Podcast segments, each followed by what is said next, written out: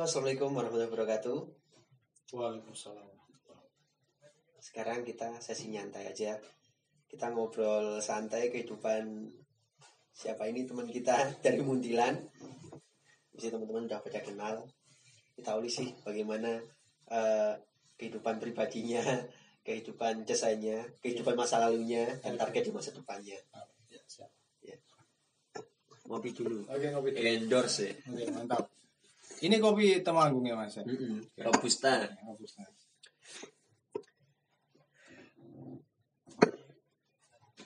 Kenalan dulu mas. Oke. Oke. Nama saya Muhammad Zulfikri. eh, biasa dipanggil Fikri. Kalau di Facebook eh, saya bisa di search dengan nama Fikri Muhammad kayak gitu dan sekarang saya eh, sedang merintis apa ya eh, studio virtual gitu ya Hmm. Helas Studio eh, yang mana anggotanya itu saya sendiri dan ada tiga teman lain yang membantu secara remote seperti Oh, itu. gitu. ya nah. begitu saya tinggal di Muntilan Magelang tetangganya Mas Fitriawan ya Tetangga teman jarang ketemu ya. Masing-masing Ya. sibuk sendiri. ya Oke oke. Nah boleh boleh tahu mas. Itu Helas Velas itu berdiri kapan sih mas? oke deh. Eh, Helas Velas itu sebenarnya kalau nama itu udah ada 2000 2012 kalau nggak salah ya. 2012 cuman waktu itu belum tahu saya mau diarahkan ke mana gitu. Karena apa namanya secara style saya sendiri waktu itu eh, belum pakem gitu lah ya. saya mulai desain dari kurang lebih akhir 2009 waktu itu apa namanya masih kuliah. Dan eh, pertama kali saya terjun ke dunia desain secara eh, profesional ya. Untuk mendapatkan materi dari situ untuk mendapatkan uang dari situ saya kerja di eh, salah satu perusahaan clothing di Jogja. Waktu masih kuliah juga. waktu masih kuliah eh, itu 2009 ya dua- akhir 2009 atau 2010 nah di situ eh, sampai sekitar tahun 2011 setelah itu freelance saya freelance tapi tetap masih fokus di ilustrasi kaos gitu ya. Ya tahu sendiri waktu itu memang apa trennya ilustrasi Iya, untuk kaos t-shirt t-shirt seperti itu untuk eh, clothing maupun distro nah selanjutnya 2012 itu saya pengen pengen bikin apa namanya studio sendiri. Cuman belum tahu namanya. 2000 ya antara 2012 sama 2013 gitu Helas Velas eh, lahir nama itu. Cuman fokusnya mau di apa saya belum tahu. Oh gitu. seperti itu. Lulusan mana sih lu mas? Eh, saya tersesat ya eh, saya dulu anak ikip. Halo sobat ikip. Iki Jogja. ya Universitas Muhammadiyah eh sorry Universitas Ahmad Dahlan, Ahmad Dahlan dulu kan ikip Muhammadiyah namanya Oh gitu. Ya. Oh. Universitas Ahmad Dahlan saya jurusan bahasa Inggris cuman eh, Jurusan bahasa Inggris pendidikan atau apa? pendidikan makanya kan saya bilang saya sobat IKIP halo saya sobat IKIP ya tapi eh, kenapa kemudian tersesat di desain ya Hmm. Apa namanya waktu itu pindah kosan Hmm. di taman siswa Iya. taman siswa itu apa Semester namanya berapa itu? itu semester eh, dua apa tiga gitu mas ya Boleh sambil dimakan mas. Ah, monggo monggo ya ya. Ini dibuat diunjuk buat dimakan. Ya.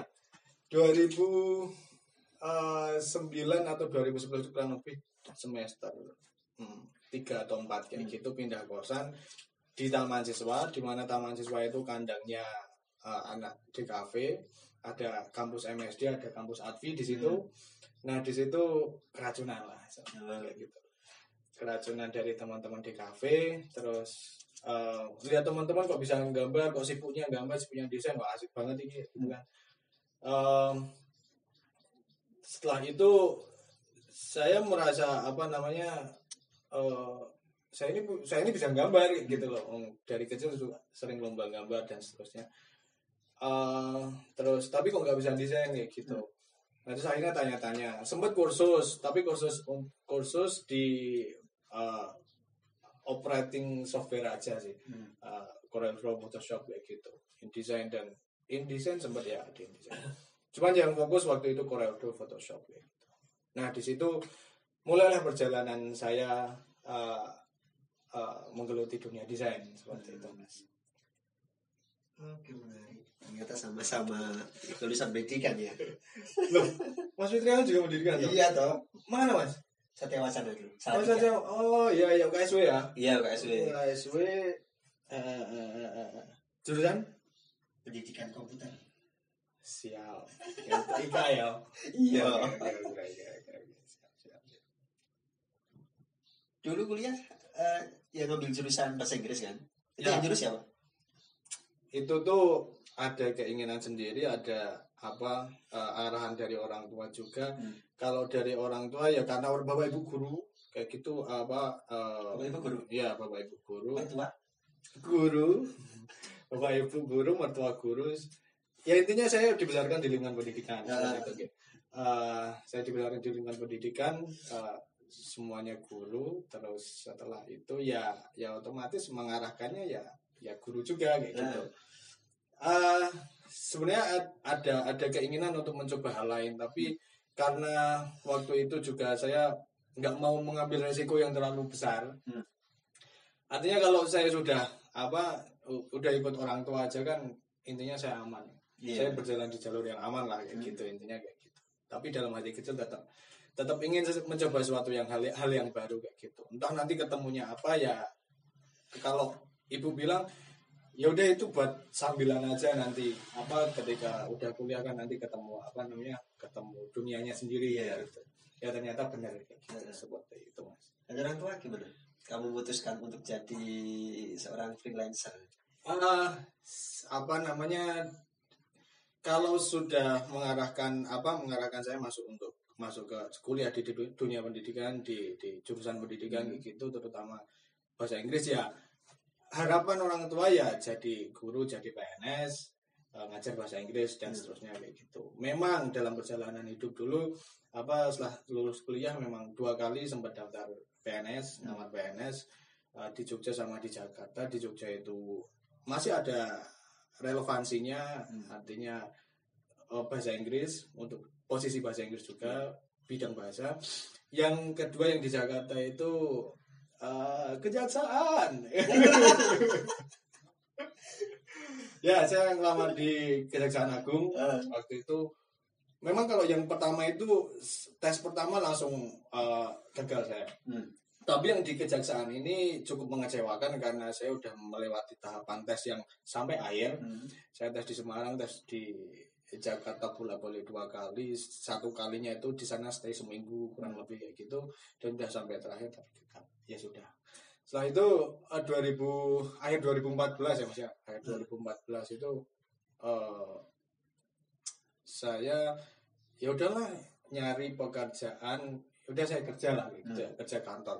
Apa pun itu. Iya. ini yang nggak harus apa waktu itu akhir 2014 ya akhir 2014 itu ya udahlah nggak usah ya nggak usah idealis idealis yang penting aku bisa survive bisa menghidupi diri sendiri bisa apa namanya bermanfaat juga buat buat keluarga kayak gitu buat orang lain eh, dan seterusnya. Yang artinya yang saya dapatkan tuh rasional lah mas ya. Hmm. kalau saya terlalu idealis eh, eh, nggak ada hasilnya ya ya ya apa artinya juga sih kayak Nah, gitu ya. Tetap rasional lah intinya kayak gitu Eh, saya kerja di salah satu perusahaan properti di Jogja lah 2000 awal 2015 Hmm. itu tiga tahun di sana setelah itu Pegang apa di sana?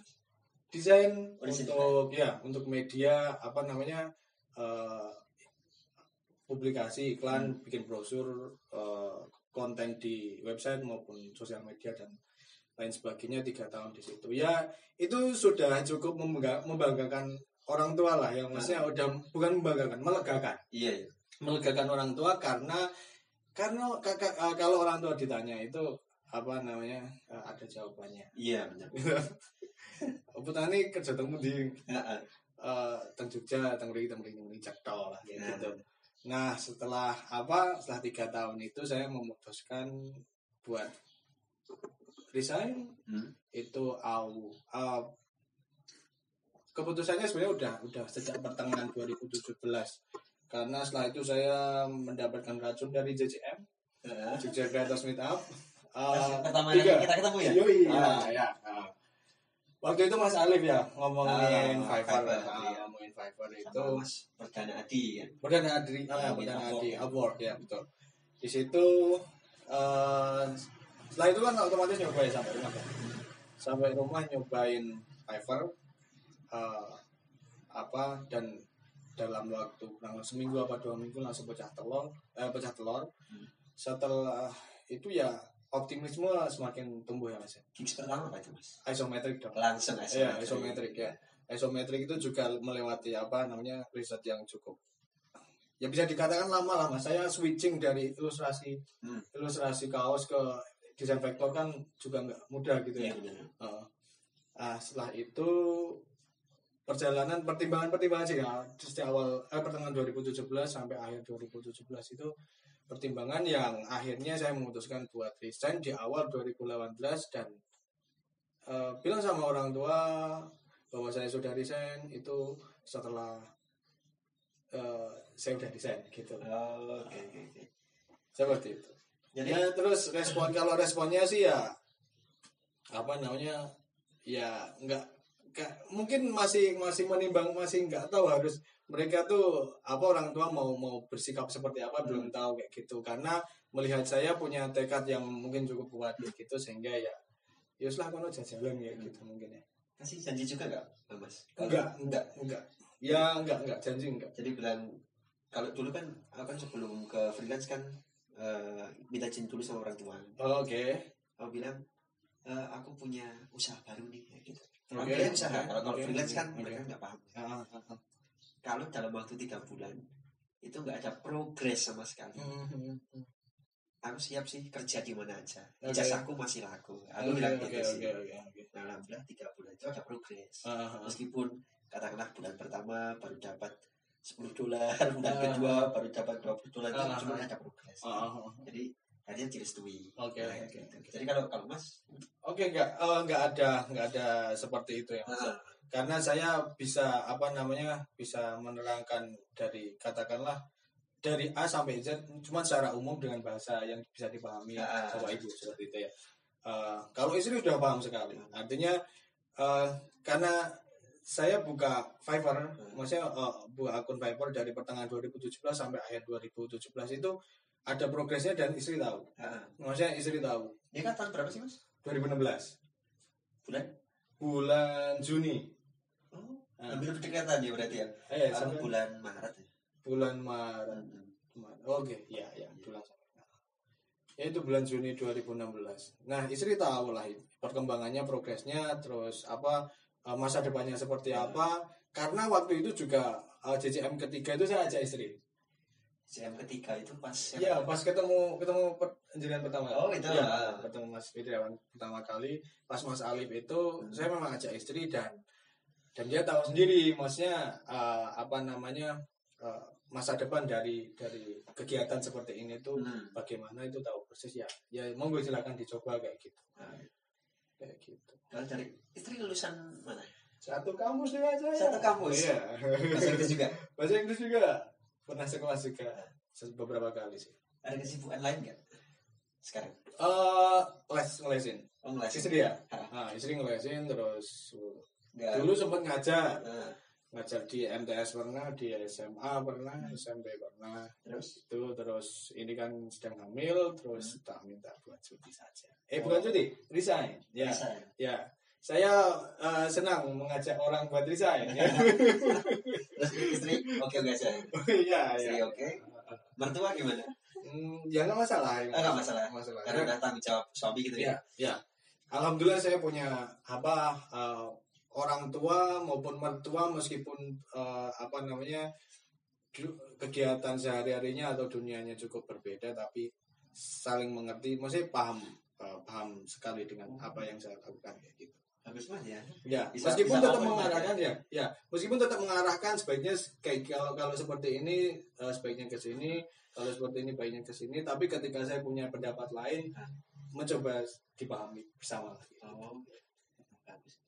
Jadi mungkin sebenarnya di orang tua lain bisa seperti itu ya, tergantung kita yang Ya, mau ya. ngomong gimana Ya, ya. eh, komunikasi. Komunikasi. Ya, ya, komunikasi. Ya namanya desain komunikasi visual. Ya, iya. Ya, harus bisa itu tanggung jawab dong ya Iya. tanggung jawab moral untuk apa namanya mengejawantahkan suatu pesan gitu Iya, ya. benar. seperti itu Jadi jangan cuma ngotot aja. Iya. Bener. oh desain gratis ya tunjuk mas Heeh. Ini nih kopi mas. Hmm. Hmm. oke ini langsung dari petaninya ya mas ya Iya, Oke. dari petani. Temanggung kan memang banyak mas petani kopi. Dan unik kalau di Temanggung itu mas, Hmm. terutama di desaku. Hmm. Kayak orang tuaku itu kan pebisnis Oke. juga ya dulu oke semuanya. Ah. Petani juga ya. oke ah, ah. Jadi petani itu dia hobi. Hobi. hobi passion ya? Passion, Oke. passionnya petani. Oke. Dia punya eh, bapakku punya kebun kopi kan. Hmm, hmm, hmm. Punya kebun kopi. Jadi setiap tahun dapat passive income sampai sekarang masih mas sampai sekarang kebunnya masih masih. Oke. Eh petaninya juga terus nggarap di situ? Enggak. Kalau apa di kopi itu unik ya mas. Kadang-kadang kita cuman cuman I beres. see, I see, I see. Iya kan, Iya, dia beresin sedikit lah, potong-potong apa Iya, namanya, iya, itu iya, iya. daunnya yang kecil-kecil, Ah. Potong-potong, terus kasih pupuk sedikit, Oke. ya udah. Perawatannya sekali tempo ya. Iya, Sekali tempo bukan sesuatu yang Iya. continue gitu ya. kayak microstop. Ah, Oke, siap, passive siap. income dari situ. Gitu ya. Dan uniknya lagi gini, Hmm. kalau di tempatku itu mereka bisa hidup selama satu tahun, cuman dari kopi aja. Satu tahun. Iya. Dan kesibukan lainnya itu merumput. Oke, Ya. oke, oke, oke. Ah, Ya, nyari Kalau ngarit. jodoh ya? Iya, Oke, siap. ngarit itu cuma kesibukan aja sih. Passion juga. Passion, selebihnya siang sampai sore mancing. Oke, oke, oke. Itu nikmatin hidup tak? Iya, iya, nggak? iya, iya. Jadi kadang kita itu yang di kota terlalu pusing nyari uang. Iya. Kalau di, di, di desa nyaman, Ah, di desa nyaman oke. banget. Lanjut nih mas. Oke, oke. Asik juga nih. Oke, tadi kan udah eh, apa nerangin masalah jelas-jelas ya, Oke, jelas-jelas. Sekarang berarti udah ada yang bantuin Ya, sudah Nah. ada yang bantu. tiga orang ya, Alhamdulillah ya tiga orang. full remote semua. Full remote semua ya. Apa sih mas menentukan apa yang membuat pilihan ya? Kalau Hmm. kalau saya dulu kan pengen wah kerja tim terus remote itu kurang kurang nyaman. Kalau aku pribadi gitu. Oke, oke. Kalau mas memilih remote itu gimana? Keterbatasan fasilitas. Ya. Oke. apa namanya terutama ya intinya apa namanya eh, saat ini kita sudah dipermudah dengan segala fasilitas yang ada teknologi menunjang eh, internet dan seterusnya kayak gitu sehingga eh, fenomena untuk kerja remote itu tidak bisa terelakkan Iya itu saya pun juga apa melihat peluang itu sehingga apa namanya eh, saya pengen mencoba juga untuk mempraktekannya seperti itu dan ternyata eh, bisa meskipun eh, dalam perjalanannya itu tidak semudah eh, ketika kita punya eh, tim atau teman kerja onsite seperti Iya iya. itu ya Eh, ada dua-duanya sebenarnya ada plus minusnya mas ya. Eh, ketika onsite itu kita memang mengha- apa eh, berhadapan langsung dengan teman dengan dengan dengan rekan kerja kita. Tapi tidak apa namanya tidak lepas juga kondisi seperti itu dari konflik juga. Kayak gitu Iya. ya se- tentu seperti itu. Secara remote pun juga seperti itu. Kita memang eh, mungkin dapat meminimalisir konflik. Hmm. Nah, tapi apa namanya eh, secara delivery delivery pekerjaan atau distribusi pekerjaan itu tidak bisa s- sepenuhnya tersampaikan Nah, ke orang lain Iya, seperti iya. itu tidak sep- eh, tidak seperti eh, belum tentu atau tidak selalu seperti yang seperti yang kita inginkan secara spesifik Ya. mesti ada harus ada yang kita sesuaikan sesuaikan lagi sesuai dengan standar kita gitu. seperti itu mas Nah, ya benar sih. Kalau kalau memang eh, ya memang itu ada positif atau negatif ya dua Cuman- ada pengalaman juga sih mas ya. Kalau eh, ada teman di Bandung ah. itu Om Gina Mikro. Oke oke halo Om Gina Mikro. Oke. Om Arif Patria. Ya namanya Ah, siap. Siap siap nah kalau Om Gina Mikro itu kan. Halo siap. Salam. Salam Sultan gitu. Ya halo Sultan. Kalau Om Gina Mikro dia juga full remote ya? Ah ah, ah. cuman Hmm. itu aku juga masih kagum sampai sekarang. Hmm. Eh, timnya bisa benar-benar apa namanya kompak banget ya. Hmm. ya mungkin karena visinya jelas Ya. terus mungkin Mikro juga udah berpengalaman juga kan ya. dalam eh, ngasih brief terus ngasih kepercayaan ke tim juga bahwa kita bakalan menjadi besar suatu saat Iya, iya, iya. itu memang yang penting sih. Ya melihat seperti itu akhirnya saya apa namanya eh, menyadari bahwa kita masih harus terus belajar. iya Eh, sebagai desainer memang apa namanya memang seharusnya fokus kita adalah di bagaimana membuat sesuatu baik secara apa namanya baik dan bagus secara visual. Iya. Tapi juga kita melihat perkembangan apa dunia desain yang seperti ini kita tetap dituntut untuk mempunyai skill lain seperti manajemen. Terus apa manajemen baik itu? Dalam banyak hal ter- termasuk ketika kita mengorganisir sebuah tim. Seperti itu. dan yang terutama sih di leadershipnya. Leadership nah itu penting banget kan? Ya jadi memang asli nyadar juga sih. Karena waktu ngelola ransel di tahun pertama tahun dua sama tahun ketiga itu terasa banget.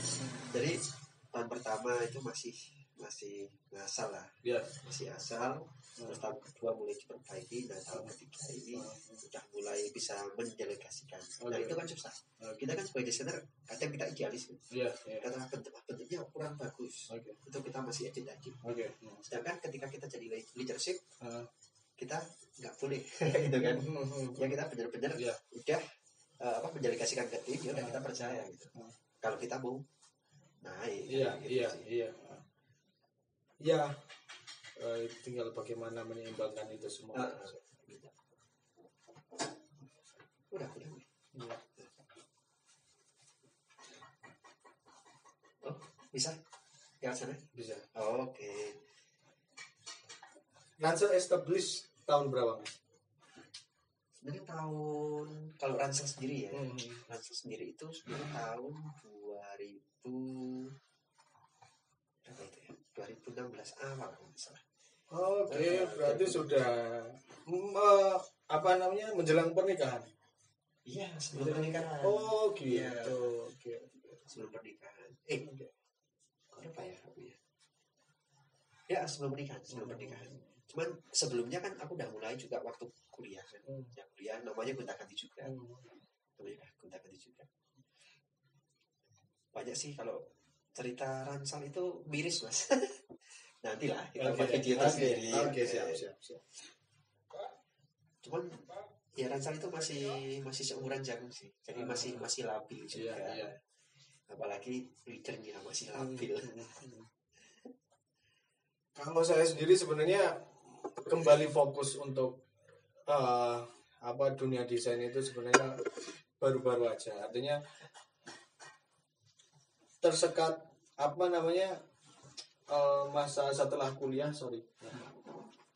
Masa setelah kuliah nyari kerja terus apa ngelamar sana sini seperti itu itu kan juga apa namanya yang tetap itu menjadi salah satu apa menjadi salah satu perjalanan ya pak Hmm. perjalanan cuman ketika eh, kapan bisa dikatakan saya kembali fokus di freelancing dan dunia desain itu Hmm. juga baru saja sebenarnya yaitu tadi setelah apa awal resign 2000 awal 2018 itu baru memulai kembali eh, kegiatan saya di dunia freelance dan desain seperti itu baru setahun satu tahun ya satu tahun ya. satu tahun freelance dulu waktu keluar punya tabungan berapa mas Nah, itu justru apa namanya? Justru saya menyalahi seperti seperti eh, menyalahi teori bahwa resign itu harus punya tabungan sekian juta kayak gitu untuk bertahan dengan asumsi katakanlah tiga bulan ya tiga Iya. bulan atau enam bulan kayak gitu tabungan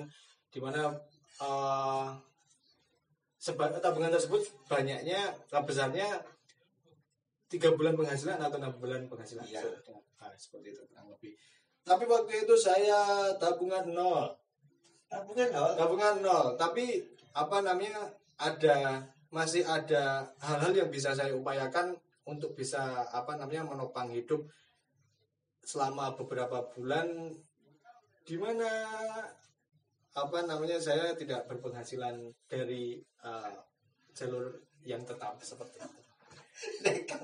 Itu nekat sekali. Tapi alhamdulillah saya bisa uh, apa namanya uh, bertahan ya mas ya? Masih bisa hidup sampai sampai hari ini dan alhamdulillah semakin udah semakin tumbuh tumbuh nikah kan itu? Sudah menikah itu. Udah pas waktu ke Singapura itu? Dulu Singapura itu posisi masih di masih kerja masih sudah masih masih kerja? masih kerja di sana. belum nikah itu sudah nikah. Itu udah nikah? Iya sudah nikah. Awal 2018 itu. Februari eh, Feb- awal Februari la- 2018 itu eh, memang dari kantor eh, ngajakin jalan-jalan keluar seperti itu. Nah setelah pulang dari luar itu saya resmi resign. oh. Nah di situ duitnya sudah habis buat jalan-jalan. nah tapi alhamdulillah masih ada sesuatu yang bisa diupayakan sehingga tetap bisa bertahan selama beberapa bulan dan akhirnya bisa terus berkembang dari dunia freelance. Oh, oke. Tapi jangan ditiru. iya jangan Kecuali kecuali apa eh, memang punya perhitungan yang matang. Iya. Bisa. ya memang kadang orang terlalu termotivasi perkataan orang lain itu Ya. nggak nggak baik kalau Ya. sih. ya oh, wah dia sukses setelah dia resign Eh, terus saya mau ikut ikutan Ya. itu nggak baik juga Iya. harus harus ada pertimbangan ada pertimbangan, semua harus terukur. Gitu. meskipun nekat itu harus Harus. cuman eh, plan itu penting kan Penting, penting ya. kalau dulu aku freelance itu malah bukan berawal dari nol Ah, minus minus, oke, oke, dan berawal dari minus oke. iya cuman ya jangan gitu juga Oke. orang punya jalan masing-masing Ya. Ya, saya berani berani itu dari berani resign tadi karena saya udah melihat apa namanya melihat potensi ya. nah, Eh, kemampuan untuk melihat potensi ini aset juga menurut saya. nah. Kemampuan melihat potensi ini aset juga. Ketika apa eh, ya pertengahan 2017 saya eh, memulai Fiverr dan saya melihat perkembangannya seperti ini seperti itu yang pada akhirnya eh, membuat saya berani memutuskan untuk resign ya karena apa namanya karena itu hasil dari dari dari apa kemampuan saya melihat potensi itu tadi mas ya. kalau saya nggak tahu potensinya sebesar apa ya nggak berani mas saya Mas. Oh, iya. nggak berani dong jadi bukan bukan itu bukan nekat sebenarnya Iya, bukan. itu bukan nekat bukan nekat ada potensi yang lebih besar Ya, ha. meskipun prosesnya juga lumayan Ya. pahit gitu kan Benar. Wah, menarik gitu ya kalau dulu gambar mulai kecil dari kecil mas iya mas dari dari kecil dari SD mungkin ya Ya, dari TK ya udah hobi ya dari lahir. Dari ya dari balita mungkin ya mas ya. Dari balita sudah mulai coret-coret. Ya terus, terus jadi vokalis mas. Vokalis tembakan mas. Vokalis tembakan. Ya? vokalis tembakan. Itu itu kan mas. Uh, buat hiburan aja. Ah. kalau gambar dari kecil dari mungkin balita TK mulai sering lomba-lomba. Terus apa SD ya sering lomba kayak gitu cuman ya SMP masih masih lomba poster. Kalau dulu bentuknya udah beda mas ya kalau SD lomba gambar SMP lomba poster SMA lomba bikin poster juga kayak gitu. Ya SMA itu malah nggak gambar sama sekali saya mas. SMA enggak SMA enggak saya apa eh, fokus bulan waktu itu. Ya. fokus fokus eh, ngelayap ya. SMA fo- fokus ngelayap kayak gitu. Eh, memang memang kegiatan gambar enggak makanya saya enggak kemudian melanjut SMA setelah SMA lanjut aku harus kuliah di seni Hmm. enggak kayak gitu karena memang memang selama tiga tahun lah katakanlah itu udah tak tinggalkan gitu udah ditinggalkan jadi ya waktu itu memang lagi seneng bahasa Inggris kayak gitu ya diarahkan buat masuk eh, apa kampus dengan jurusan bahasa Inggris ya lanjut aja gitu. Oh, gitu. Kalau aku dulu gambar memang suka dari SD kan. Hmm, hmm, hmm, TK udah udah suka hmm, gambar terus ikut lomba juga hmm. terus ikut lomba SMP juga ikut lomba Ya. gambar sampai SMA juga Ah, terus waktu mau kuliah itu kan bingung Iya. aku pengen jadi guru itu yang pertama Oke. ada beberapa alasan Oke oke. keluarga aku kan keluarga pedagang semua Oke. si ibunya super Hmm, Ibunya hmm, super terus lihat kalau apa guru itu kan guru SD ya terutama ya Ah. guru SD guru SMP itu berangkat pagi pulang Hmm. siang atau sore hmm, hmm. setelah itu nyantai ya gitu Iya. pikiranku kayak gitu Iya iya. terus kan siapa sih nggak kepingin kayak gitu kan Hmm. pengen jadi guru terus setelah SMP SMP kelas 2 itu saya mulai tertarik dengan namanya komputer Hmm. tetap suka gambar Hmm. sama tertarik komputer dan tertarik sama bidang musik Hmm. jadi belajar gitar dulu waktu SD Hmm. nah, terus akhirnya lulus SMP SMA SMA mulai fokus ke komputer dan gambar Hmm. belajar Corel Draw kan Hmm. Hmm. sambil usaha juga dulu aku mulai usaha SMP kelas 3 mas Woi, mantap mantap. cetakan foto dulu Oh, Nah, kita beli komputer sama eh, print- printer kan. Hmm. Jadi usaha cetakan foto juga. Hmm. Jadi udah udah mulai ketata tuh Oke. di bidang istilahnya desain grafis lah. Oke gitu. oke oke. Terus setelah apa SMA mikir nih mau lanjutin ke mana gitu kan Ah, masih mikir ah, antara mau masuk ke seni musik ah. masuk ke seni gambar Oke. atau masuk ke guru kom eh, masuk ke komputer Hmm. gitu kan Hmm.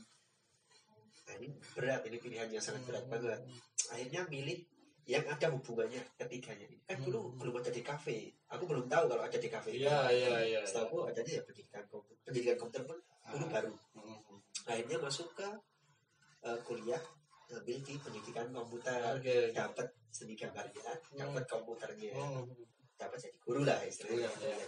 ya musik udah mulai tak tinggal Hmm. kuliah udah udah mulai enggak akhirnya sampai di pertengahan aku kerja lagi di Hmm. percetakan Hmm. itu sebuah impian juga kan Oh, pengen kerja di percetakan Pernah ya, iya terus mulai dari situ malah mulai tertarik sama dunia bisnis lagi oke oke. Terus yang eh, dunia pendidikan bukannya nggak suka aku ngajar itu suka mas Hmm. sama anak-anak juga suka cuma Hmm. sama sistemnya kurang cocok Oke. kita kan ada darah seni Oke, juga kan? Oke Nah, oke. Iya. teater itu susah Iya iya iya iya. Nah, terus akhirnya udah setelah lulus oh nggak jadi guru udah kayak gitu cuma masih ada eh, apa hubungan lah dari Ah. mulai kecil sampai ke dewasa ini dan ada satu aku pernah ikut seminar dulu Oke. Eh, salah satu pembicaranya bilang gini kalau kamu mau sukses coba kamu eh, ingat-ingat 10 tahun ke belakang Hmm. 20 tahun ke belakang Hmm. atau lima tahun ke belakang lah Hmm. Wait, mundur gitu Hmm. apa sih satu prestasi yang bikin kamu itu eh, dipuji-puji orang Hmm. itu apa sebenarnya Hmm. nah ternyata di dunia gambar Hmm. nah Hmm. iya kan Ya ya. iya betul kan Hmm. di dunia gambar nah lebih tak spesifik lagi gambar apa sih dulu Gitu kan. Hmm. aku ingat dulu gambar pertamaku itu waktu kelas 1 SD itu aku gambar tikus tuh. Hmm. aku nangis aku nggak bisa dulu gambar tikus itu malah bentuknya kayak balon balon ini lampu lampu bola Hmm. aku nangis kan Hmm. terus dibantuin sama tukang yang lagi bangun rumahku Hmm. malah gambarnya itu mirip babi tambah nangis lagi kan tambah nangis lagi Hmm. nah semenjak saat itu aku fokus latihan gambar senang sama gambar Hmm. nah lucunya lagi aku mulai ngontes tahun 2014 2014 ngontes 99 desain 2014. Oke oke. dan menang pertama itu gambar tikus juga. Oke oke Iya, oke. lucu kan? Jadi Ah. ada keterkaitan. Gambar tikus juga, tikus belanja dulu itu menang. Nah setelah itu titik bangkitnya ransel pertama itu kan dari apa?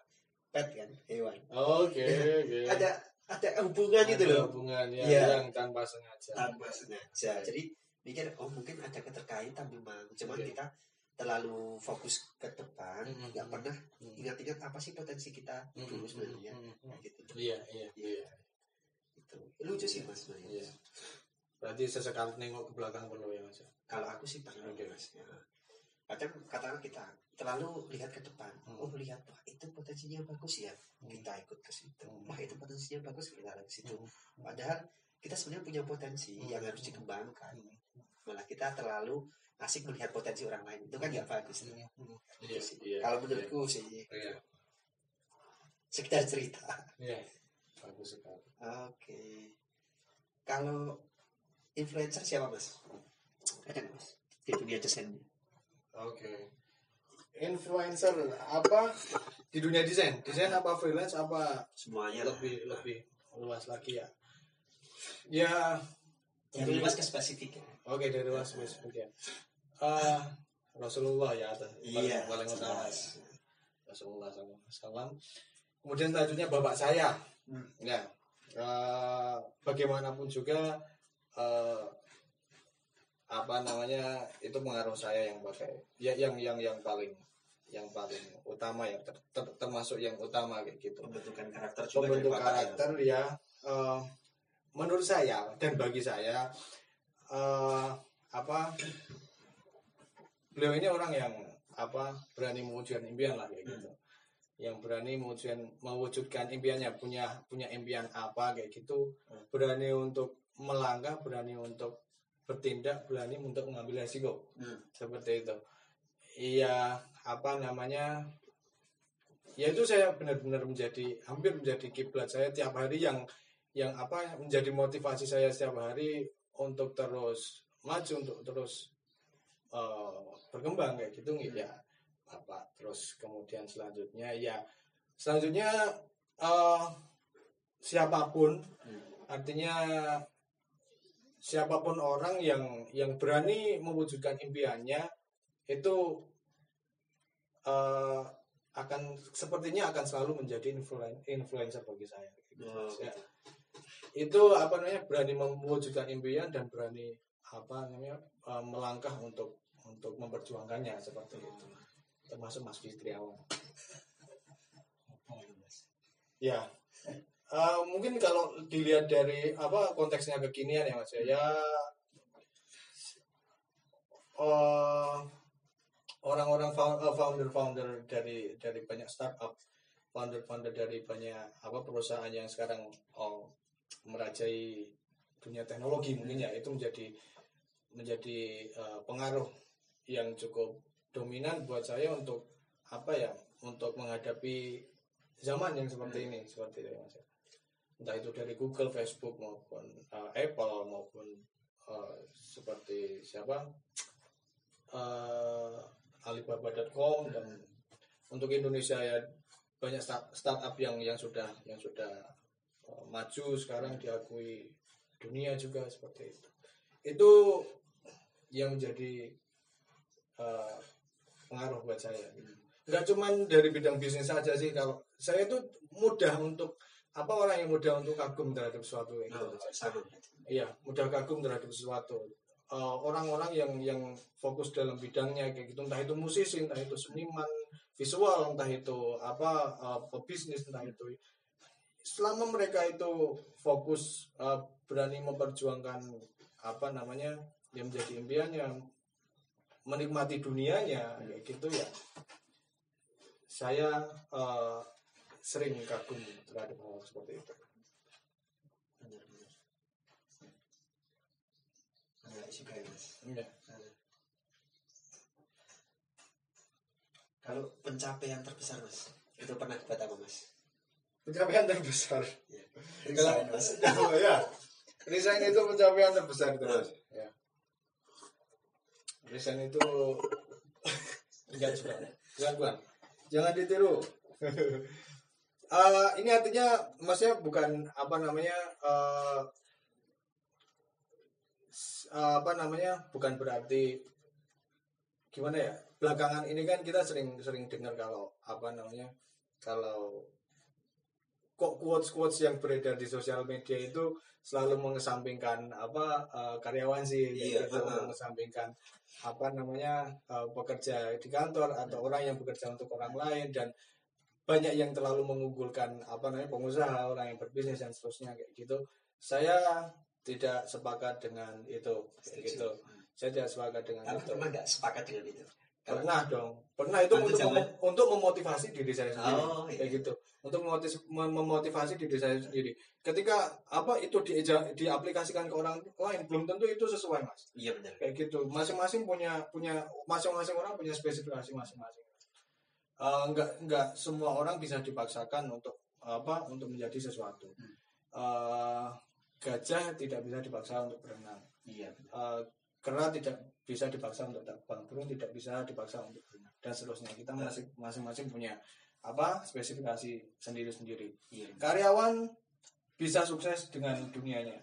Betul. pebisnis bisa sukses dengan dunianya, seniman bisa sukses dengan dunianya. Selama mau fokus dan mau berani memperjuangkan impiannya seperti itu Mas ya. Dan satu hal lagi, sukses itu apa sih? Iya kan? Dan Iya, iya. Sampai sekarang aku juga masih mikir sih. Ya. Kebanyakan orang lihat sukses itu berdasarkan dari penghasilan, Heeh, Ya. heeh.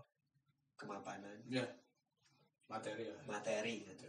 Nah itu kalau kalau aku sendiri eh, nggak gitu sih kalau kalau sekarang dulu iya mas. Mhm. Nah, dulu masih idealis juga ketika setelah resign aku pengen jadi pengusaha Mhm. Apa sih karyawan aku bilang gitu cuman setelah coba cari masuk ke dunia pengusaha ternyata usaha pengusaha atau menjadi karyawan itu sebuah pilihan sih Ya, kalau iya. kayak gitu Iya. cuman ada ada satu hal yang eh, menurutku penting buat karyawan kalau kamu pengen resign Mhm. itu satu hal ketika kamu sudah nggak cocok di perusahaan itu dalam artian kamu sendiri yang nggak cocok sama Hmm. perusahaan itu Hmm. atau kamu sendiri yang nggak bisa apa istilahnya menjadi keluarga perusahaan itu Hmm. mending kamu keluar Kalau aku bilang gitu. Mhm. soalnya memang eh, si perusahaan sendiri katakanlah ransel ya Hmm. ransel itu eh, lebih kayak usaha cuman goalnya itu buat kita bareng-bareng Mhm. ketika ada satu orang yang goalnya itu udah nggak pengen bareng-bareng intinya tujuannya cuma nyari uang Mhm. gitu kan itu kan sudah beda jalur Mhm. mendingan itu keluar kalau aku sih bilang gitu sih Mhm. iya kan Iya. iya benar kita memang eh, dalam usaha itu harus ada profit ya itu penting kan Mas? Mhm. ada profit cuman kalau tujuannya cuman itu buat apa sih ya Mhm. ya kan Mhm. nah, hubungan jadi pertemanan pun mak- kalau bilang masalah uang itu makin rendah Iya, Iya, iya. nggak iya. bisa kan Iya, Gitu. iya. di bisnis pun sebenarnya sama jadi kembali lagi ketika kamu pengen eh, sudah jadi karyawan terus merasa kamu udah mulai hebat merasa loh ya Hmm. merasa udah mulai hebat, mending keluar Hmm. kasihan perusahaanmu Iya, iya. iya kayak gitu Iya, iya. Jadi kalau em, bagi saya ya oh, untuk untuk definisi sukses ya ya tetap masih sampai sekarang ini alhamdulillah em, mengacu kepada khairun nas linnas seperti itu ya. Nah. Sebaik-baik manusia adalah yang bermanfaat bagi eh, orang lain, bagi Iya, betul. masyarakat, bagi eh, orang-orang di sekitar kayak gitu. Artinya kita eh, kita ini dibelah untuk menjadi banyak banyak bagian kayak gitu. Ketika artinya kita ketika di hadapan orang tua kita bisa sukses sebagai anak, Mm-mm. bisa berbakti sesuai dengan eh, apa yang dibutuhkan orang tua terhadap kita kayak gitu.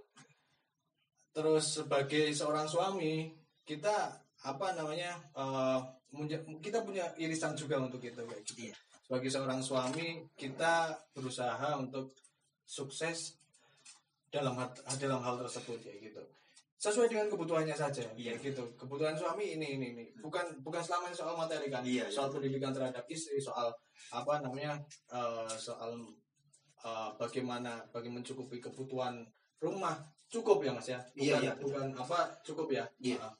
terus sebagai seorang ayah bagaimana kita di hadapan anak kita anak kita nggak selalu menuntut untuk untuk uang kok mas ya enggak enggak sama Ya. sekali ya nggak selalu menuntut untuk uang uh, biasanya lebih justru lebih pada waktu untuk mereka seperti itu. Irisan ada irisan lain di hadapan apa namanya uh, kalau kita adalah seorang pengusaha di hadapan karyawan kita mitra kita dan seterusnya kita bisa mengelola uh, orang-orang tersebut dengan baik kayak gitu. Uh, uh, menepati janji dan seterusnya di hadapan teman kita seperti apa. Nah itu apa namanya satu paket yang nggak bisa di dipisah-pisah mas. Hmm.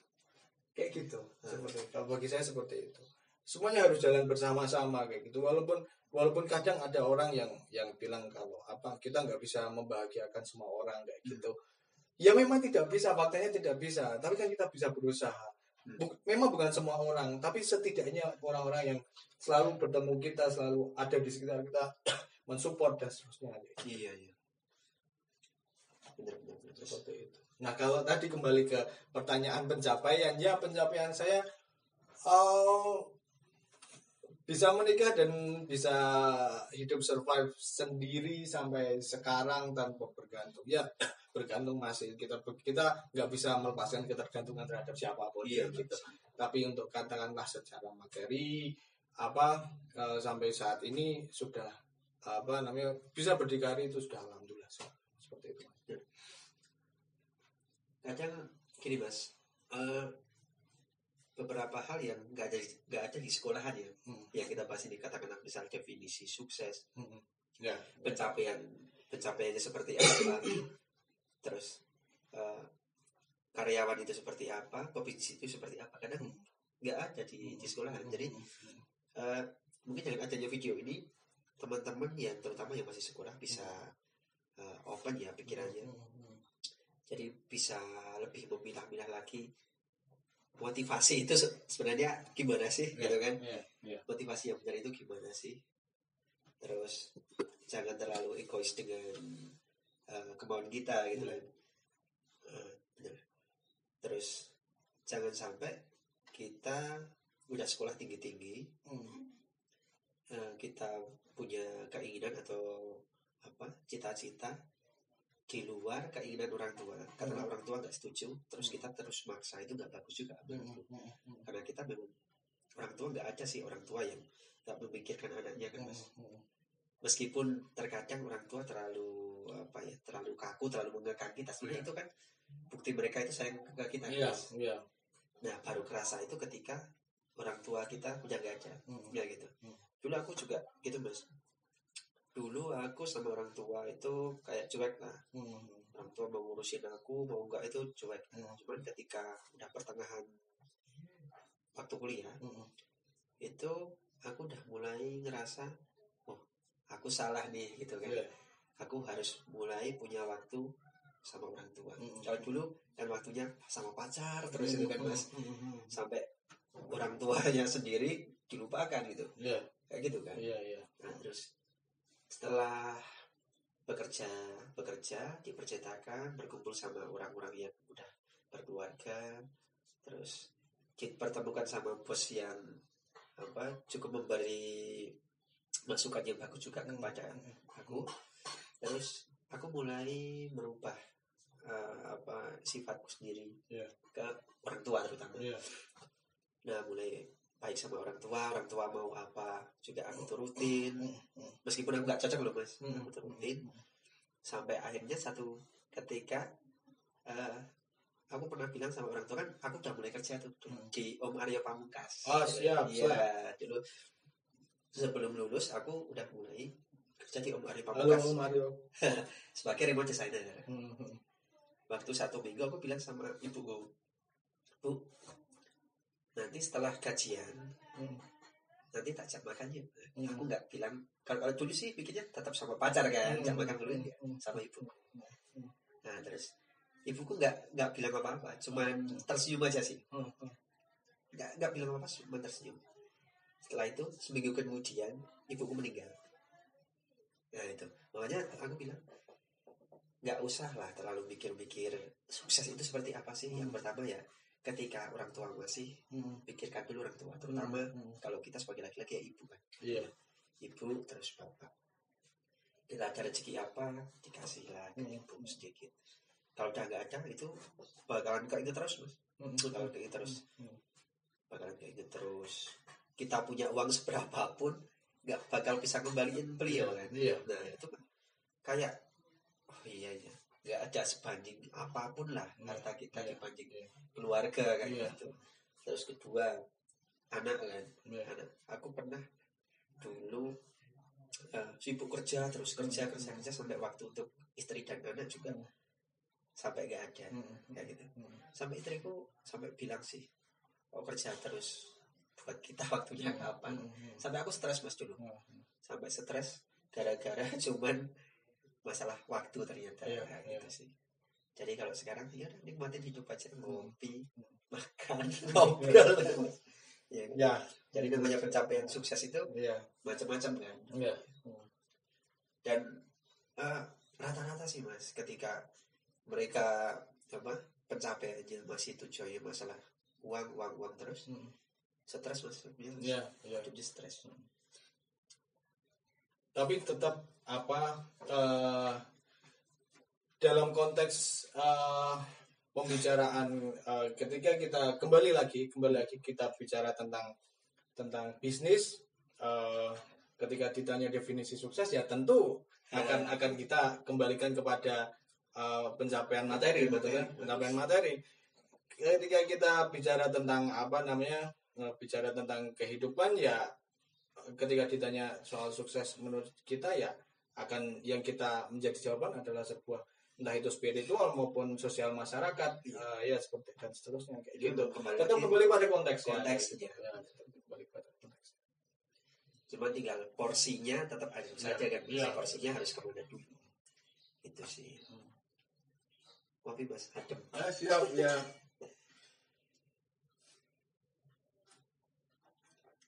Oh ini merek kopinya apa mas jadi merek kopinya ini tak sesuaiin sama channel YouTube kita. Nyerutup bro. Nyerutup. Tahu artinya nyerutup mas? Nyerutup itu ya minum kopi sidik-sidik. Nah ini namanya nyerutup. Nah seperti itu. Nah itu ya. namanya nyerutup. Nah. Keren kan? nyerutup tapi tulisannya N Y R U T U P ya. Nyerutup YouTube mas. Nah, maksudnya itu. Kalau target mas, target yang dicapai satu tahun inilah sampai lima tahun ke nah depan. ya. kalau ini ngomongin soal materi nih nah ya. Nah, kalau kayak gini apa apa kalau ada pertanyaan seperti ini kita sesuaikan juga dengan konteks. Nah, nggak kemudian malah nanti nanti gitu tadi Iya. ya. Apa namanya eh untuk target ya mas ya? Iya. target sam berapa tahun? Lima tahun? Satu sampai lima satu sampai lima tahun ah satu. Mungkin mungkin eh, eh, terus berkembang ya mas ya. Berkembang dalam hal. Artinya eh, selama ini kan saya eh, fokus lebih banyak memberikan fokus di di service base Iya, service base dan isometric ya. ya eh, service base dan ilustrasi vektor entah itu eh, isometrik maupun flat seperti itu. Sejauh ini masih seperti itu untuk Microsoft jalan eh, Microsoft jalan Shutterstock, Freepik dan seterusnya jalan cuman karena karena saya nggak belum bisa belum bisa menyeimbangkan eh, keduanya harus jalan dengan porsi yang sama ya Iya. mana dulu yang yang yang bisa saya fokuskan sementara ini eh, service base terutama Freepik dan kadang dari dribble kadang dari eh, source lain entah itu Facebook page dan lain Hmm. sebagainya seperti itu itu masih jalan kemudian ya selanjutnya saya pengen font juga cuman momentumnya belum belum pas sepertinya. Eh, pengen juga bisa masuk ke Envato Elemen idaman para freelancer dan Iya. desainer Ya, itu Envato Elemen ya mas ya? Envato Elemen selanjutnya apa namanya bikin studio onsite yang Oh, juga mas. representatif ya ya seperti yang saya katakan ta- tadi kenapa memilih remote ya keterbatasan fasilitas tadi ketika kita bisa tekan costnya ketika kita bisa apa namanya eh, eh, apa low cost with high impact kayak gitu Hmm. seperti itu ya why not gitu kan Iya, iya. nah artinya ketika remote kan lebih eh, menekan cost kayak gitu nah sambil itu berjalan kita bisa nabung buat bikin studio yang yang fisik seperti itu. Selama ini kan masih virtual. Eh, yang fisik dengan tempat yang representatif ya seperti studio-studio besar Ransel, uh, Paper Pillar, Seibu uh, Slab dan lain sebagainya baik itu di Jogja dan seluruh Indonesia kayak gitu. Kita bisa apa ya bisa ikut-ikut berkontribusi dalam dunia uh, kreatif terutama desain visual seperti itu terus berkembang mungkin entah itu nanti bentuknya akan menjadi sebatas berhenti di studio desain atau akan menjadi hal lain saya serahkan kepada uh, takdir yang menjawab dan perkembangan zaman Ya, seperti itu ya. kita kan kita nggak tahu ya mas ya. Perkembangan zaman saya nggak tahu juga saya apa maksudnya dulu itu saya sempat uh, menaruh pesimisme di dunia desain Hmm. karena saya nggak tahu bahwa kalau kalau apa namanya di masa depan nanti artinya sekarang ini dunia desain akan menjadi seperti ini mas Iya, benar. Oh, iya kan? Eh, akan menjadi seperti ada Microsoft, ada apa namanya, ada eh, market- marketplace, ada ada model-model lain juga seperti itu yang berbasis teknologi kayak gitu. Siapa yang tahu? Dulu saya jualan desain lewat Facebook mas, Hmm. kayak gitu. Jualan desain lewat Facebook. Dan saya cukup terkurung apa namanya, pikiran saya cukup terkurung di dunia ilustrasi desain Hmm. karena keterkurungan itu jadi apa saya terus menaruh pesimisme lah. Apa marketku ki aku dodolan dodolan desain main Facebook lah. Aku bisa mendapatkan hal lebih dari ini kapan nih gitu. Iya, nah bisa hidup dari ini enggak? Kayak gitu banyak pertanyaan-pertanyaan muncul tuh tapi eh, seiring berjalannya waktu semua itu terjawab dengan kondisi saat ini seperti itu mungkin yang menjadi pertanyaan kita saat ini akan menjadi apa kita di masa depan akan terjawab akan terjawab di masa depan juga nanti kayak gitu Kalau aku lihat sih lima tahun ke depan sih mas ya. Eh, pernah ada yang bilang sekarang marketplace sudah mulai sepi, ya enggak? ya Iya, marketplace sudah mulai sepi. Subscription semacam Envato Element sedang naik. ya Iya, kan? Terus itu kalau di produk ya. Hmm. Plus ada satu hal lagi. SAS produk kayak Canva, oke oke oke ya ya ya ya Andra, Hmm, gitu kan. hmm, hmm. Itu udah mulai eh, bermunculan. ya. ya oh. Jadi service base kemudian kayak gimana? Iya. kan? ya ya Jadi memang itu sebenarnya tantangan kita sebagai freelancer ya mas ya. Hmm. Kayak kayak plus it ya. Kita katakanlah kita mau bikin logo tentang restoran ya. Hmm. Nah, kita tinggal klik aja logo restoran. Hmm. Udah deh beres. Iya. Pilihannya banyak, ya murah, ya iya kan? Jadi kita cepat, ya cepat dan bahkan itu bakal ngalahin service base. ya Iya kan? Jadi Iya. kita kita belum belum tahu nih ke depan itu bakalan seperti apa. Hmm, hmm. Cuman satu hal sih, eh, kreativitas itu tidak ada batasan. Ya. Itu aku percaya gitu. ya ya Nggak akan dimatikan oleh teknologi itu nggak. ya ya ya Jadi entah itu bentuknya seperti apa ya. iya, eh, tinggal kita bisa survive nggak? Hmm. Iya. Benar. Eh, secara apa secara sederhana mungkin bisa dikatakan seperti ini teknologi boleh berkembang robot-robot boleh apa mengambil alih pekerjaan manusia seperti itu toh. Tapi sampai kapan pun orang itu akan tetap butuh sesuatu hal yang custom. Iya. akan butuh suatu hal yang custom. Eh, katakanlah soal desain kayak gitu. Hmm. Eh, desain nggak semua nggak semua jenis desain nggak semua jenis apa eh, desain visual itu bisa di eh, sediakan oleh teknologi. Iya. kayak gitu. Tetap ada campur tangan manusia di situ sampai kapan pun entah bentuknya seperti apa nah untuk itu kita sebagai manusia yang yang apa yang yang apa bisa terus berkembang bisa terus belajar kayak gitu ya belajarlah kayak gitu Iya benar. belajar merespon perkembangan teknologi belajar skill katakanlah misal kita sebagai ilustrator atau desainer ya belajar terus untuk apa namanya mengembangkan skill, skill kita jangan berhenti sampai pada mendapatkan earning tertentu kayak gitu Iya. ya, kan? ya kurang lebih seperti itu Dan satu hal yang menarik, kalau aku lihat ya mas, kalau dulu t-shirt Hmm. itu kan dicetak sampai seribu piece, Hmm, ya kan? hmm, hmm. Bahkan sampai lebih dari itu. Ya. Kalau sekarang malah larinya beda mas. Kebanyakan ke custom sih, iya kan? Hmm, Iya kan? hmm, hmm. Jadi Iya. ketika logo mulai banyak template-nya, Iya. t-shirt kembali ke custom. Hmm, Iya. kan? hmm. Jadi orang pengen buat t-shirt, katakanlah dalam eh, ilustrasi ini, cuma dicetak satu aja, Iya, kayak gitu iya. kan. Jadi sebenarnya eh, nggak bisa disamaratakan juga ya mas. Iya. Teknologi berkembang di bidang eh, tertentu, katakanlah misal logo, terus eh, sosial media template dan lain-lain Hmm. cuma di satu sisi ada satu apa produk kayak t-shirt itu malah dia larinya ke customnya Iya, iya, iya. Eh, soalnya di di custom itu ada nilai eksklusivitas sendiri Iya, kayak gitu. Jadi itu seperti apa namanya eh, sifat manusia yang yang pengen memiliki sesuatu yang hanya dia sendiri yang punya Nah. kayak gitu ya kurang lebih kayak gitu. Hal-hal yang limited itu malah justru banyak yang cari. iya gitu. menarik menarik mas kalau apa ya mas tips mas tips eh, untuk jadi desainer Hmm. itu gimana mas untuk jadi freelancer lah lebih Oke, tepatnya. freelancer ini bagi pemula kalau bagi pemula kalau saya tipsnya anu mas yang paling penting itu uh, attitude ya itu menjadi Hmm. dasar dari semua hal Hmm. jadi dasar dari semua hal mau fokusnya di mana saja terutama dalam hal uh, freelance design seperti itu yang mana itu kita perlu selalu berbicara tentang karya.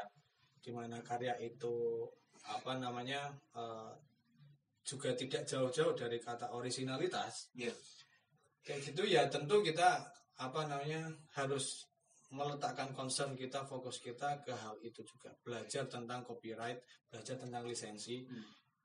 dan seterusnya. Jangan sedikit-sedikit apa eh, eh, apa namanya eh, niru comot sana comot sini wah itu harus sebuah hal yang yang haram bagi saya Iya. gitu harus di sangat sangat dihindari kayak gitu start from blank canvas seperti Iya. itu karena itu akan menjadi bagaimanapun juga meskipun apa idenya sama ketika ditangani atau dieksekusi oleh tangan yang berbeda itu tetap menjadi suatu hal yang berbeda. Iya benar. kayak gitu. Terutama ya yang paling paling paling terlihat jelas ya di ilustrasi seperti itu. Hmm. maupun desain lain juga tidak mem- memungkiri uh, kemungkinan seperti itu. Attitude selanjutnya kalau itu sudah paham sekali barulah kita mulai apa namanya barulah kita mulai belajar tentang bagaimana me- apa namanya menjual skill yang sudah kita punya. Oke Gitu ya. oke. Marketing ya iya itu marketing itu salah satu hal yang missing dalam perjalanan saya di di desain seperti itu. Dulu bertahun-tahun saya fokus di skill skill skill skill skill seperti itu. Ya walaupun sampai sekarang skillnya juga masih biasa aja. Tapi eh, terlalu terlalu fokus di skill juga apa namanya ya baik. Cuman cuman ada kalanya kita harus belajar yang lain juga karena skill tanpa dijual ya kita cuma dapat apa ya istilahnya karya yang bisa kita nikmati saja kayak Hmm. gitu. Untuk um, uh, apa let the people know untuk me- apa membiarkan orang lain menikmati ikut menikmati karya kita ya bagaimana kita mempromosikannya bagaimana kita menjualnya. Iya. Nah itu skill yang harus dipelajari selanjutnya. Marketing kita belajar karena sekarang banyak didukung oleh teknologi ya mar- uh, kita belajar soal marketplace, microstock, uh, soal apa namanya uh, bagaimana kita menampilkan sesuatu di uh, internet dengan dengan indah dengan estetika yang tepat dengan apa cara yang tepat juga kayak gitu. Itu perlu dipelajari. Teknologi juga perlu dipelajari karena kita ini bergerak terus. Iya benar. Apa namanya teknologi bergerak sangat cepat. Untuk itu kita harus apa mengikuti ritmenya kayak gitu. Nggak bisa kita eh, kita mau coba-coba melawan arus ya tetap susah Mas. Iya. kita sebaiknya ikuti ikuti rit- eh, ikuti ti- tempo ikuti ritme tapi tetap ki- dengan dengan eh, diferensiasi yang kita punya seperti itu Hmm. aja jangan lupa terakhir eh, join ke komunitas nah itu penting banget komunitas itu shortcut untuk apa namanya eh, untuk kita mengikuti perkembangan teknologi tadi. Hmm. Kita kalau kita sendiri di rumah belum tentu kita bisa eh, mengikuti informasi yang yang begitu cepatnya secara sendiri. Wah, kita tiap hari dapat proyekan kayak gitu. Ya. Kapan kok beri ngakses ini ngakses itu gitu kan? iya Wah, Nah itu bisa diakali dengan kita join komunitas, entah itu virtual maupun apa namanya uh, maupun fisik yang kita datang ke mana kayak gitu, Hmm. di mana banyak teman ngumpul kayak gitu banyak yang diobrolkan. Nah isu-isu terkini itu kita bisa update. iya benar itu dia belajar manajemen juga Nah, penting Mas. Kadang sering kita lupa sih Mas ya. Eh, ada yang berawal dari marketing, hmm. Cuman lupa di skillnya. Itu Ya. Sebenarnya nggak masalah sih Ya. ketika ketika itu pebisnis ya. Katakanlah seperti Om Rian Rahardi ya. ya ya Ah. Dia marketingnya bagus, Hmm. cuman produknya juga bagus. ya ya, kan? ah, ah.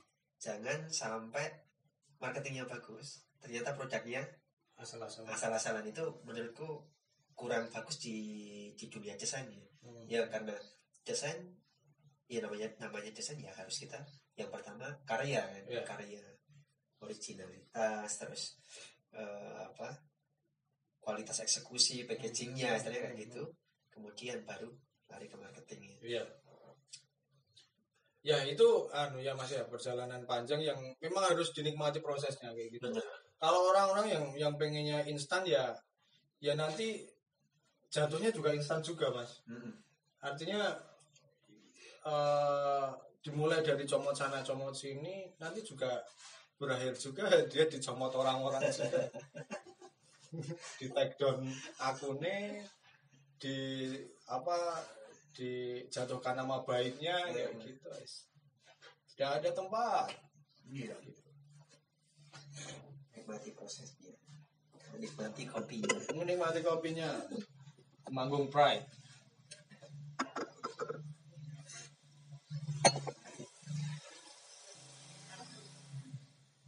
jam gimana mas? Jam kerja mas? Jam kerja eh, saya terpengaruh oleh Mas Bangkit. Halo Mas Bangkit. Yang mana nih mas Bangkit? Kota ganti jam kerja ya sekarang? Oh gitu ya, Ya. nah ini esok pit-pitan nih. Nah, iya besok kita tahu kerja ya mas Bangkit. Ya Mas Bangkit versi dulu. Balik dulu. Ya itu anu apa namanya eh, tadinya saya cukup nocturnal lah mas ya terutama pas awal-awal seneng desain seneng gambar Hmm. kayak gitu seneng seneng bikin karya lah kayak gitu yang yang belum memikirkan terlalu memikirkan soal hasil eh, dari situ sih Hmm. Eh, itu lebih kualitas terutama juga pas kuliah itu lah Hmm. sampai kerja pun saya juga apa sampai kerja sampai nikah pun belum sembuh dari dari kebiasaan seperti itu kayak gitu. Nah, justru setelah resign hmm. Setelah resign kemudian fokus di freelancing dan alhamdulillah saya ketemu Mas Bangke. Nah, itu influencer saya dalam hal tangi gasek kayak gitu mas. Jam tiga bangun ya? Ya jam 3 bangun. Ya jam paling paling molor jam 4 atau mau subuh gitu aja. artinya daripada kita tidur apa namanya larut malam kemudian kita bangun siang Hmm. eh, mending kita tidur lebih awal tapi bangun lebih pagi. Tidur lebih pagi bangun lebih pagi. Kemudian langsung memulai pekerjaan ya subuhan dulu atau Hmm. apa eh, tentunya. Setelah itu apa mem- memulai pekerjaan. Dari situ pikiran otomatis masih fresh iya masih fresh digas terus sampai siang itu eh, insya Allah produktif sekali itu Nah, digas terus siang siang duhur duhur silahkan kalau mau tidur siang dulu hmm. gitu. Kalau enggak kalau kalau enggak ngantuk ya tambah lagi kopinya. Hmm. gas lagi sampai sore nggak masalah kayak gitu. Wong itu juga waktu-waktunya orang kerja kayak gitu. Nah, bener. waktu-waktunya orang kerja nggak masalah kayak gitu. Setelah itu mau sore istirahat ya gitu maghrib. Nah itu silakan mau kegiatan nonton TV santai kayak gitu dan seterusnya ya setelah isya eh, jam 9 lah maksimal tidur kayak gitu. Oh, udah bagus ya? Ya Lalu dulu setahun nih, setahun itu natural mas. natural Ya, ya eh, tidur itu jam 8 pagi sampai jam 12 siang Hmm, jam 8 selama ya. satu tahun. oke Cuman ngefek mas ke tubuh kan. Mhm. Jadi cepet sakit, Hmm. cepet capek gitu sih. Kalau sekarang udah mulai diperbaiki lah. Mhm. Kadang-kadang sih lembur itu kadang. Mhm. Terus satu hal lagi mas, Mhm. pandangan orang-orang sini terhadap mas itu gimana mas?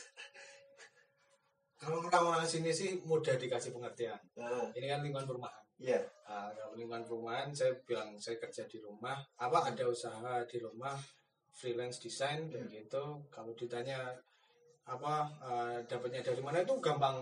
Gak mau dikasih Iya, pengertian sebenarnya gampang. Gak mau dikasih pengertian. Cuman kalau yang di uh, rumah saya nanti yang Hmm. yang rumah dekat orang tua saya itu itu uh, kalau saya pulang ke rumah se- se- sewaktu-waktu kayak gitu masih banyak yang tanya Pray mas gitu. Nah, jawabnya gimana mas?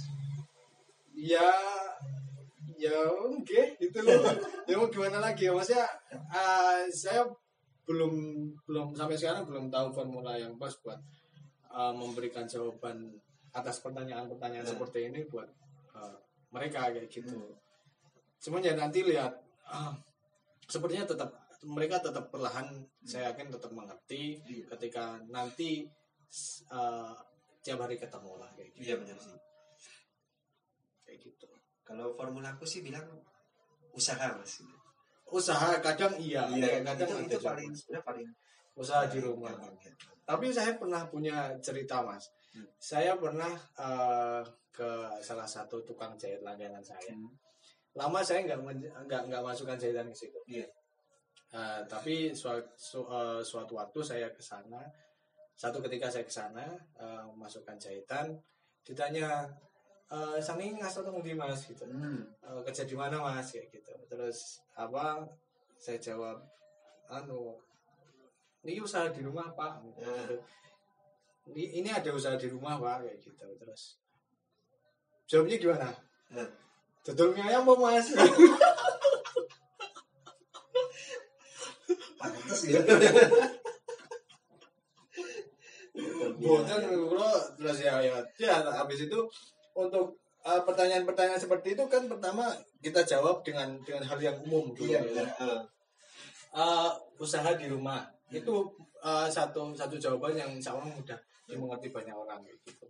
Terus kalau ditanya lagi kalau kalau udah ya syukur, Hmm. alhamdulillah nggak usah terlalu banyak memberi penjelasan. Iya benar. Tapi kalau ditanya lagi ya usaha nopo jualan online. Nah, Ah, jualan online kalau sudah di apa sudah udah oh gitu ya sudah syukur. Ah. Kita nggak usah ngasih penjelasan lagi. Kalau ditanya lagi "Jo- dodol dodolan apa, jualan apa kayak Ya. gitu, ya baru kita jelaskan lagi jualan desain, jasa kayak gitu dan Hmm. seterusnya. Terus itu banyak uang dia kayak gitu ya. Seluruh dunia. Ya mau nah ini udah sampai sampai pertanyaan tahap ini tuh suka suka pakai wow gitu ya. Mas. iya iya benar. Ya, pakai wow. Kalau mau menjawabkan realitas yang ada ya memang kita kayaknya dari luar semua Ah, tapi kalau kita apa eh, bilang apa adanya ya ada kekhawatiran nanti dikira songong Iya iya, gitu ya serba apa ya membingungkan ya. Iya. tapi ya kita coba saja lah Ah. gitu. insya Allah pelan pelan akan mengerti namanya juga sociology Iya iya. Kalau buku mas apa mas? Sering baca buku apa? saya terus terang saya bukan orang yang suka baca buku. Ini bukunya istri semua mas. Komik loh. Ya kalau komik ini koleksi lama koleksi zaman masih SD Nah, kalau iya, komik koleksi zaman masih SD alhamdulillah sampai sekarang sebagian masih masih terawat masih jadi eh, soal buku tadi itu apa namanya eh, kalau komik memang koleksi lama yang kebetulan sampai sekarang masih sebagian besar terawat ya gitu. Ya seneng aja apa masih masih lihat buku-buku zaman masih kecil masih bagus masih bisa dibaca kayak gitu. Jadi ya memang kalau kecil dulu memang banyak koleksi komik banyak baca komik di eh, taman bacaan zaman dulu taman bacaan atau main ke perpus daerah dan seterusnya gitu. Cuman apa namanya eh, dewasa ini maksudnya sudah sudah semakin usia bertambah usia tambah tua kayak gini eh, hobi baca tuh semakin semakin berkurang. Ya mungkin tergantikan dengan baca a- artikel atau sumber-sumber dari internet seperti itu. Oh iya. Cuman kalau beli buku nggak apa mela- me- meluangkan waktu untuk untuk di untuk baca buku kayak gitu memang memang Belum. jarang kayak gitu. Ya.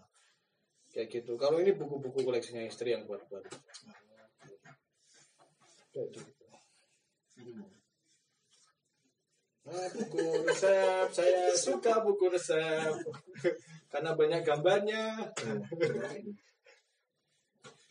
Oke, Ya. lanjut ke terakhir ya mas. Hmm. Eh, pertanyaan yang harus dijawab dengan satu kata Oke. singkat. Oke. Yang satu kata singkat tuh. Iya dah. Oh. Nah, mungkin aja huruf A gitu kan. Hmm. itu satu kata cepat terus cuman ada dua pilihan aja sih Nah. Oh gitu. Mulai dari sekarang ya mas Ya, oke. Eh, passion atau earning Earning dong. earning Earning, earning. earning oke Realistis. terus kopi atau teh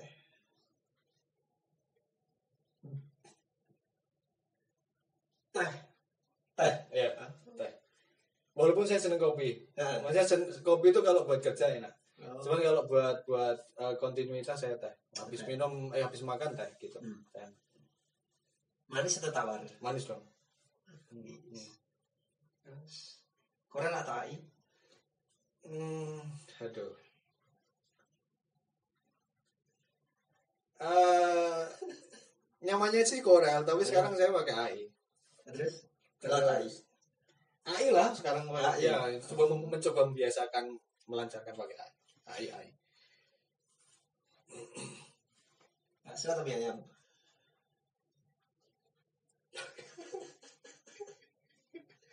Oh, bakso, bakso, bakso bakso.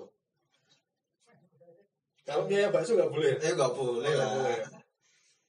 Ya bakso. saus atau tanpa saus Pakai saus dong. saus pedas atau enggak Pedas dong.